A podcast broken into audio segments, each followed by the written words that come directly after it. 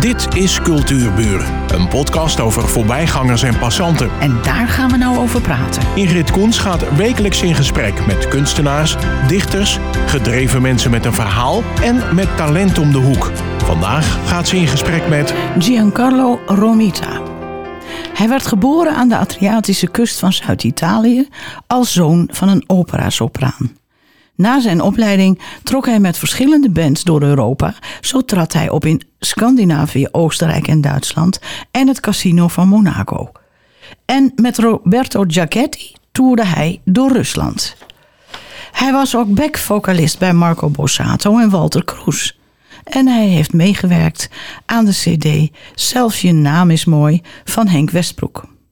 Hoogtepunt in zijn carrière is het nummer dat hij schreef voor Andrea Bocelli, Ma dove sei. En hij kwam voor de liefde naar Langendijk. Maar wat ik nog niet genoemd heb, je schreef ook filmmuziek. Uh, toevallig in 2014 werd ik uh, gevraagd voor een, een, film, een, een komedie van Johan Nijhuis, Toscaanse bruiloft. Oh ja, ja. die kennen we allemaal. Oh kijk. En toen heb ik met Ronald Schirper gehoord, die de muziek schreef, ook onder andere de tune van... Uh, hoe heet het programma die iedere dag uh, goede tijden, slechte tijden bijvoorbeeld. Oeh, ja, ja, ja. ja, ja.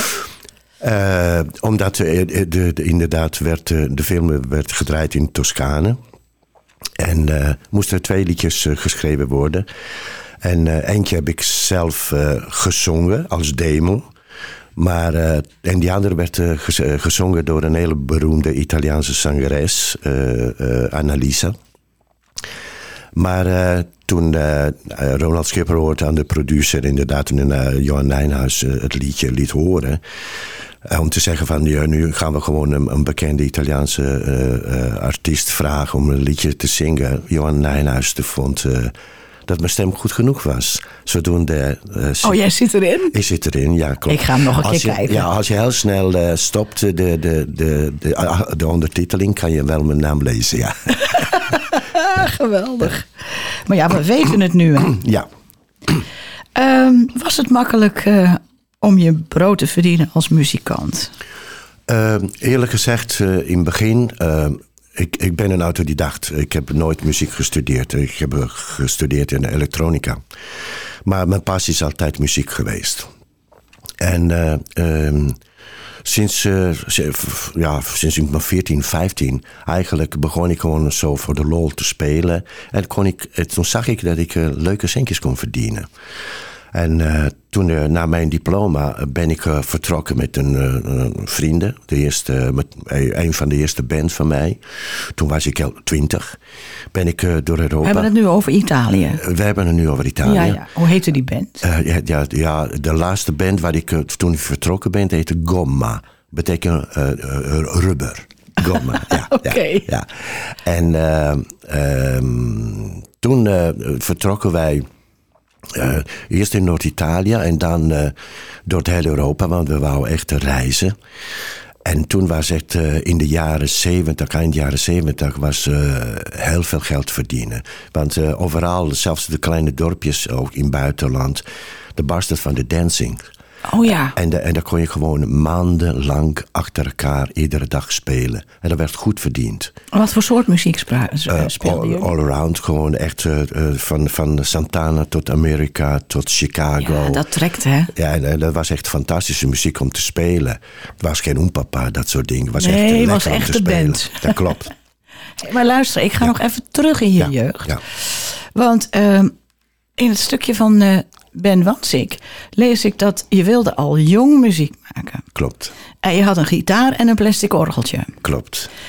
Maar het bandje zocht een drummer. Klopt. En dus werd Giancarlo drummer.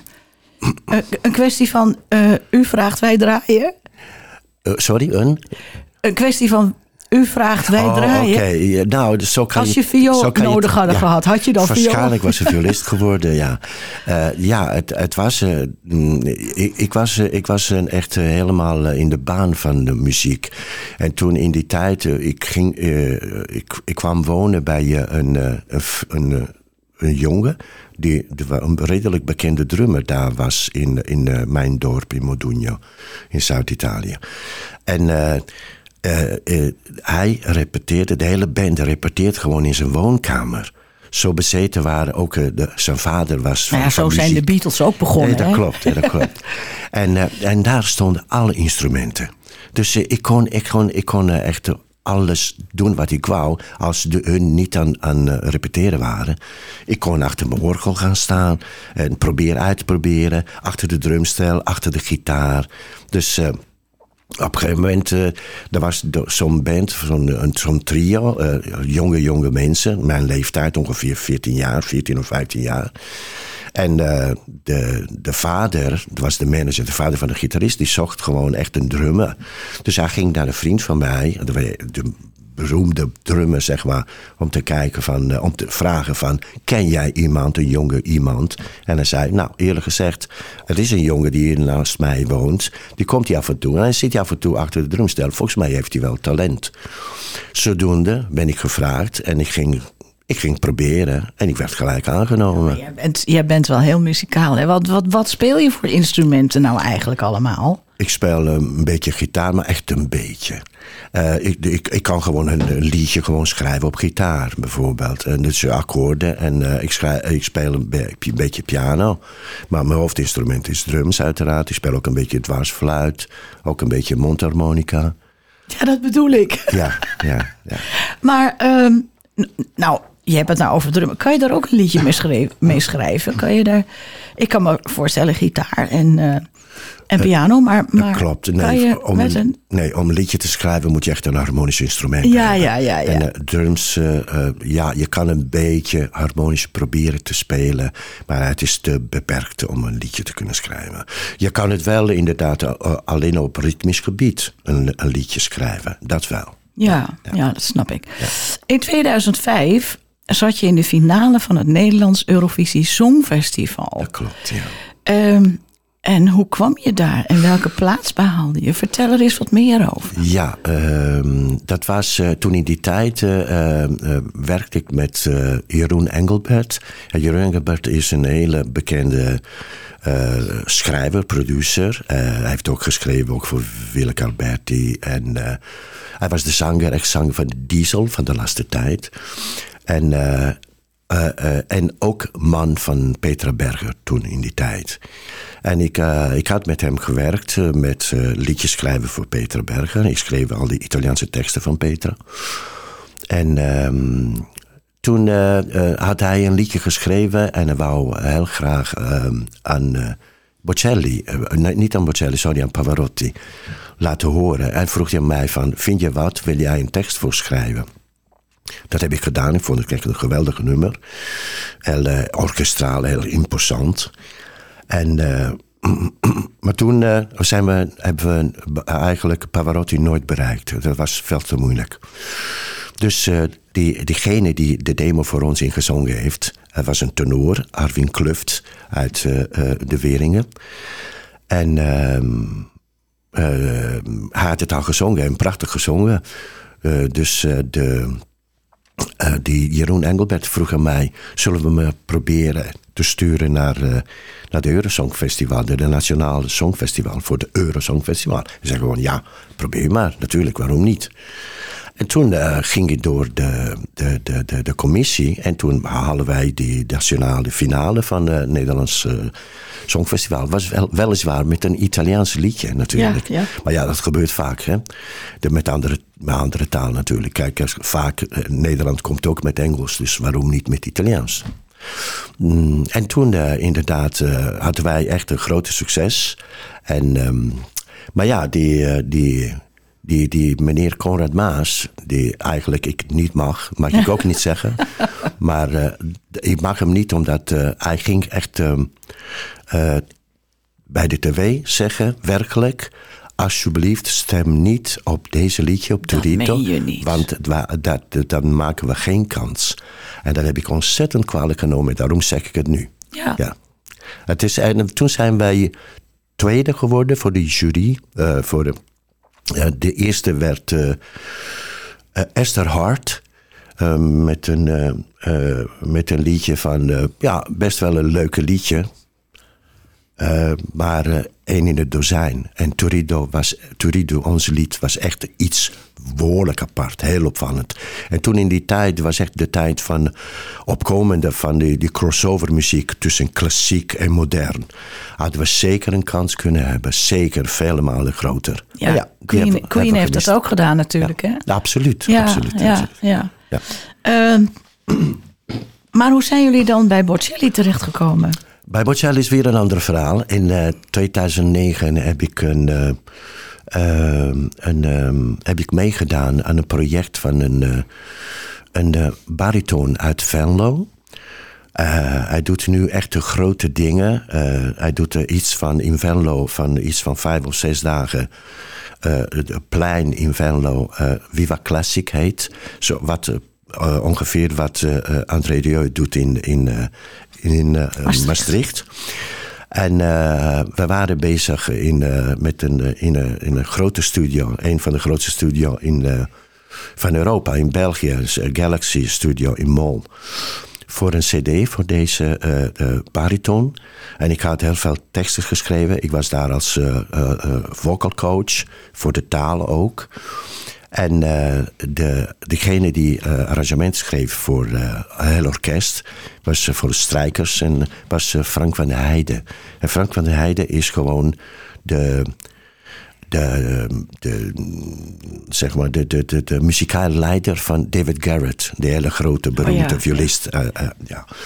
En eh, hij vroeg aan mij, eh, David Garrett, eh, eh, in een van zijn grote concerten, want David Garrett is echt een huge in, in, in, over de hele wereld.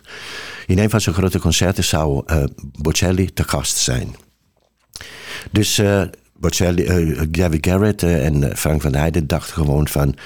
laten we even gewoon een liedje proberen te schrijven. En wie weet, misschien Bocelli vindt het leuk om in te zingen met ons. En eh, toen, zodoende Frank van Heijden vroeg aan mij... zou jij een tekst willen schrijven, een Italiaanse tekst? Best wel kans dat Bocelli gaat met ons zingen. Dus ik zei gewoon natuurlijk heel graag. En eh, zo gezegd, zo gedaan. En eh, binnen, ik denk dat in een één nacht, ik was zo enthousiast dat het, ik denk, ja, ik, ik schrijf vaak graag s'nachts. En ik denk dat het binnen twee of drie uur had ik de tekst. En, eh, maar ja, natuurlijk eh, een beetje polijsten. Iedere keer goed over nadenken. Want ja, eh, mijn woorden die worden straks eh, geluisterd door de grote Andrea Bocelli.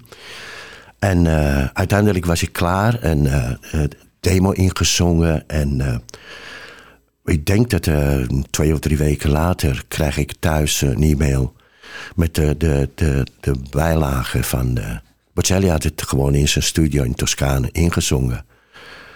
Ja, ik krijg er nog steeds kippenvel als ik aan denk. Ja, dat kan ik me heel goed voorstellen. Dus ik heb het de, de eerste keer dat ik luisterde, ben ik, ik heb niets gezegd. Ik, ben, ik heb mijn koptelefoon uitgedaan, ben ik naar buiten. Ik heb meer dan een half uurtje rondgelopen. Toen kwam ik terug thuis en toen dacht ik, luister nog een keer. Toen zei ik, het is waar. Ja, ja, ja, ja. En soms denk ik wel eens, hè, ehm, eens is alles toch geschreven. Maar waar haal je elke keer weer de inspiratie vandaan? Eh, ja, ik denk dat de kunst van schrijven is. eh, eh, proberen de, de, de finesse de, van de dagelijks dingen in een leven op een, een, op een mooie manier neer te zetten. En ik denk dat dat. dat, dat Ja, maar dat zeg je zo makkelijk. ja, dat en je is niet makkelijk. schrijft zoveel. Ja, ja, ja. Eh, ja, eh, eh, ja toch iedere keer lukt het weer. Want ik, ik, ben ook iemand die niet, niet zich wil herhalen. Nee, dat bedoel ik. Ja, ja. ja. Dus dan, dan probeer ik iedere keer, zelfs als eh, onderwerp liefde bijvoorbeeld, je kan het gewoon in duizend manieren vertellen. Ja, oké, dat is waar. En in, Ita in het Italiaans natuurlijk zeker. Maar, maar ik bedoel, er moet dan toch weer een, een lied uitkomen. En dat Ja. moet kwaliteit hebben. En zeker als je dat Bocelli aanbiedt. Absoluut, absoluut. Dat, ik moet wel zeggen dat ik... eh, ik heb echt zo zorgvuldig eh, geschreven. Eh, en ook inderdaad... dat moest echt niet alleen maar interessant en boeiend zijn... maar ook ja, zo goed als poëtisch. Ja, het moest inhoud hebben, hè? Klopt, klopt, klopt. Ja. En gelukkig is wel gelukt, ja. ja. Ja, want hij heeft het op een cd gezet. Absoluut. Op de, staat eh, op drie cd's zelfs. Wauw. Op eh, de eh, cd van David Garrett. En eh, eh, ik denk dat was Garrett versus Paganini. En De tweede cd is een verzameling van eh, David Garrett. De beste, werk van, de beste werk van David Garrett. En er staat als bonus track in de dubbel cd van Andrea Bocelli... eh, Love in Portofino in Duitsland. Ja, Oh man, wat goed. Wat absoluut. leuk voor je. Ik ben niet rijk van geworden. Nee, meestal is dat Maar niet zo. Maar wel. ontzettend tevreden. Ja, Ontzettend ja, ik vind het heel bijzonder hoor. Ja, Je hebt als muzikant en zanger heel veel gereisd. ja.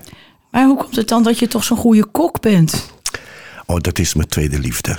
Oh, Ja, eh, ik ben ontzettend eh, eh, echt een, een liefhebber van lekker eten en lekker drinken. En eh, het is gewoon een passie. En eh, toen ik, een, ik heb wel veel gerezen uiteraard, want je hebt wat je zei. En eh, in veel landen eet je echt slecht. of niet goed, laat maar zo zeggen. Ik wil niet, niet iedereen, niemand be- beledigen.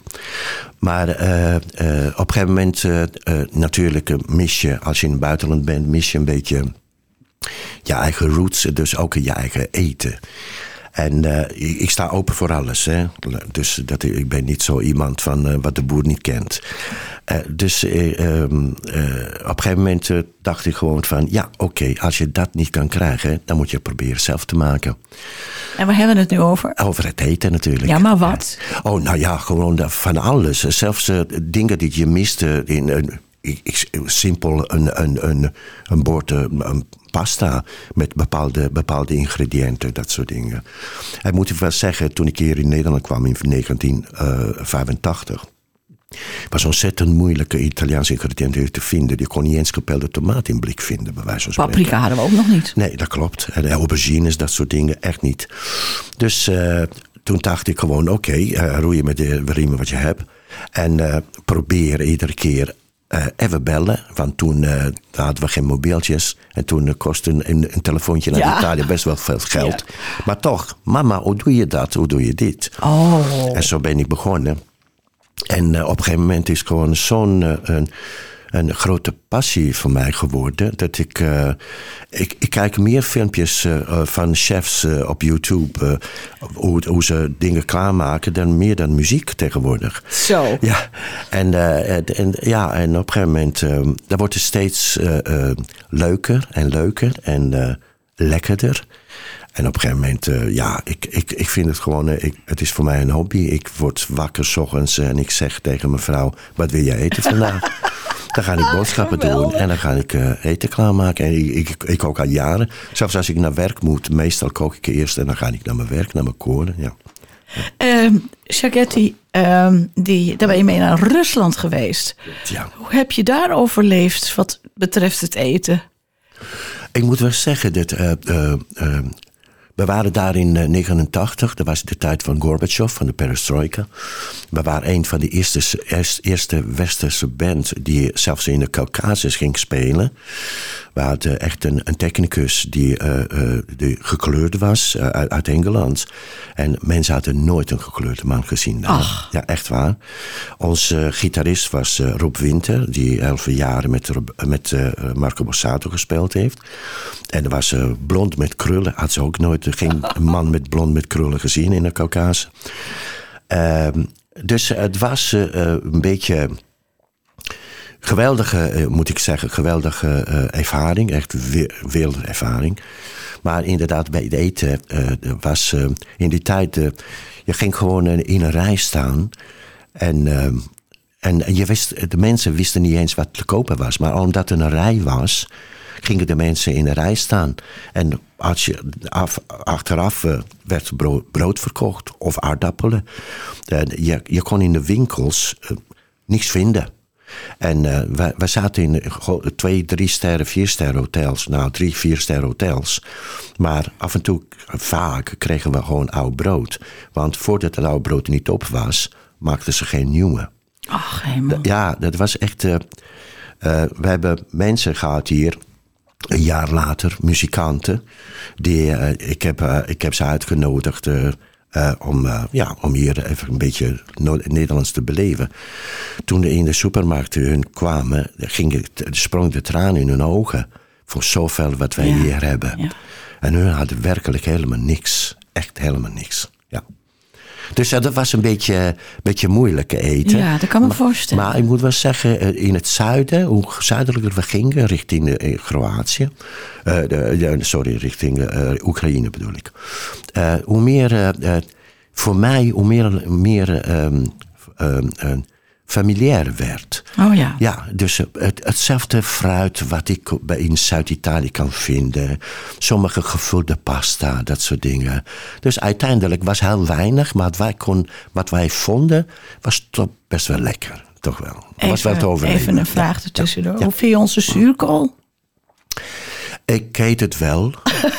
maar ik, ik, dat is heel beleefd. Daar kan je niet mij wakker van maken. Nee, nee, nee. nee, nee. Dat vermoedde ik nee. al. Maar we zijn er nog niet, want je bent natuurlijk ook dirigent ja. van verschillende koren. Ja. En ook het koor in Langendijk. Ja, klopt, ja. Maar hoe komt het dat jij dirigent bent? Want met al je instrumenten, met al je uh, talenten van schrijven van muziek en teksten, ben je ook nog dirigent? Wist je ook hoe dat moest? Of, uh... Nee, helemaal niet. uh, uh, ik werd toen in, in ik denk 2012, 13, ontmoet ik grote accordeonist virtueus André Vrolijk.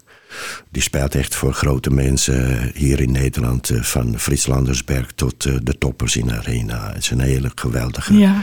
geweldige artiest en goede vriend van me. En toen in die tijd was hij uh, dirigent van uh, um, het Zwanenkoor in Amsterdam. En, uh, dat zijn toch daklozen? nee, het Zwanenkoor niet. Nee, oh. nee, is gewoon echt, Zwanenkoor is echt een, een, echt een statement in Amsterdam. Oké, okay, sorry. Ja, nee, nee, dat geeft niet. En ehm, in die tijd was hij, hij is nu weer dirigent. Het is een, weg geweest en is hij teruggekomen van het Zwanenkoor. En dan vroeg hij mij of ik wou drummen, de, de, de begeleiden. We hadden een combo, contrabas, accordeon en drums. Dus ik heb het twee, drie, twee, drie jaar gedaan. Toen kwam ik in aanraking met, uh, met het wereld van koren. En toen dacht ik, hé, hey, die is ook leuk. En de contrabassist had een koor, Henk Bakker, had een koor in, in Schorel. En uh, toen moest hij verhuizen naar, naar, uh, naar Schagen. Vroeg hij aan mij van, is het niks voor jou? En zeg gewoon, ja, ik weet het niet hoor. Ik heb het nooit gedaan. Ik zeg, nou ja, je bent muzikaal genoeg. Probeer dan maar.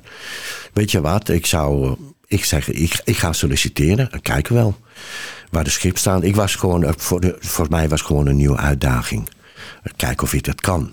Want ik heb altijd uh, leuk gevonden om arrangementen te schrijven. Al, al die bands waar ik uh, in ge, ge, gespeeld heb. Meestal als puntje bepaaltje was met koortjes. Dus die techniek begreep je al? Ja, sowieso. Ja. Ik, kan, ik kan echt koortjes, drie, vier stemmen... kan ik wel in elkaar zetten. Dat, dat is wat ik kon, inderdaad. Maar nooit voor een, voor een grote groep natuurlijk. Laat staan dirigeren. Dus heb ik gesolliciteerd en ik werd toevallig aangenomen. En dat was in 2006. En dat was mijn eerste koor in, in Schorel. En anderhalf jaar later werd ik gevraagd voor Langendijk. Twee jaar later werd ik gevraagd voor Uitdorp. Je deed het dus goed. En uh, op een gegeven moment, uh, ik, ik, ik heb het zo vaak nee gezegd omdat ik al bezet was. Ja. Dat is heel bijzonder, ja. ja. ja. Um, op de website, en als u op Google kijkt, en u kijkt Giancarlo, uh, muzikant, dan vindt u alles van hem. Ik vond het ontzettend leuk dat je er was. Ik ook, en, dankjewel. Uh, ik hoop nog veel van je te horen. Dat is, uh, tenminste, ik zal mijn best doen. Dankjewel. dankjewel. Dit was Cultuurburen, een podcast van Ingrid Koens en Streekstad Centraal. Bedankt voor de aandacht en tot de volgende Cultuurburen.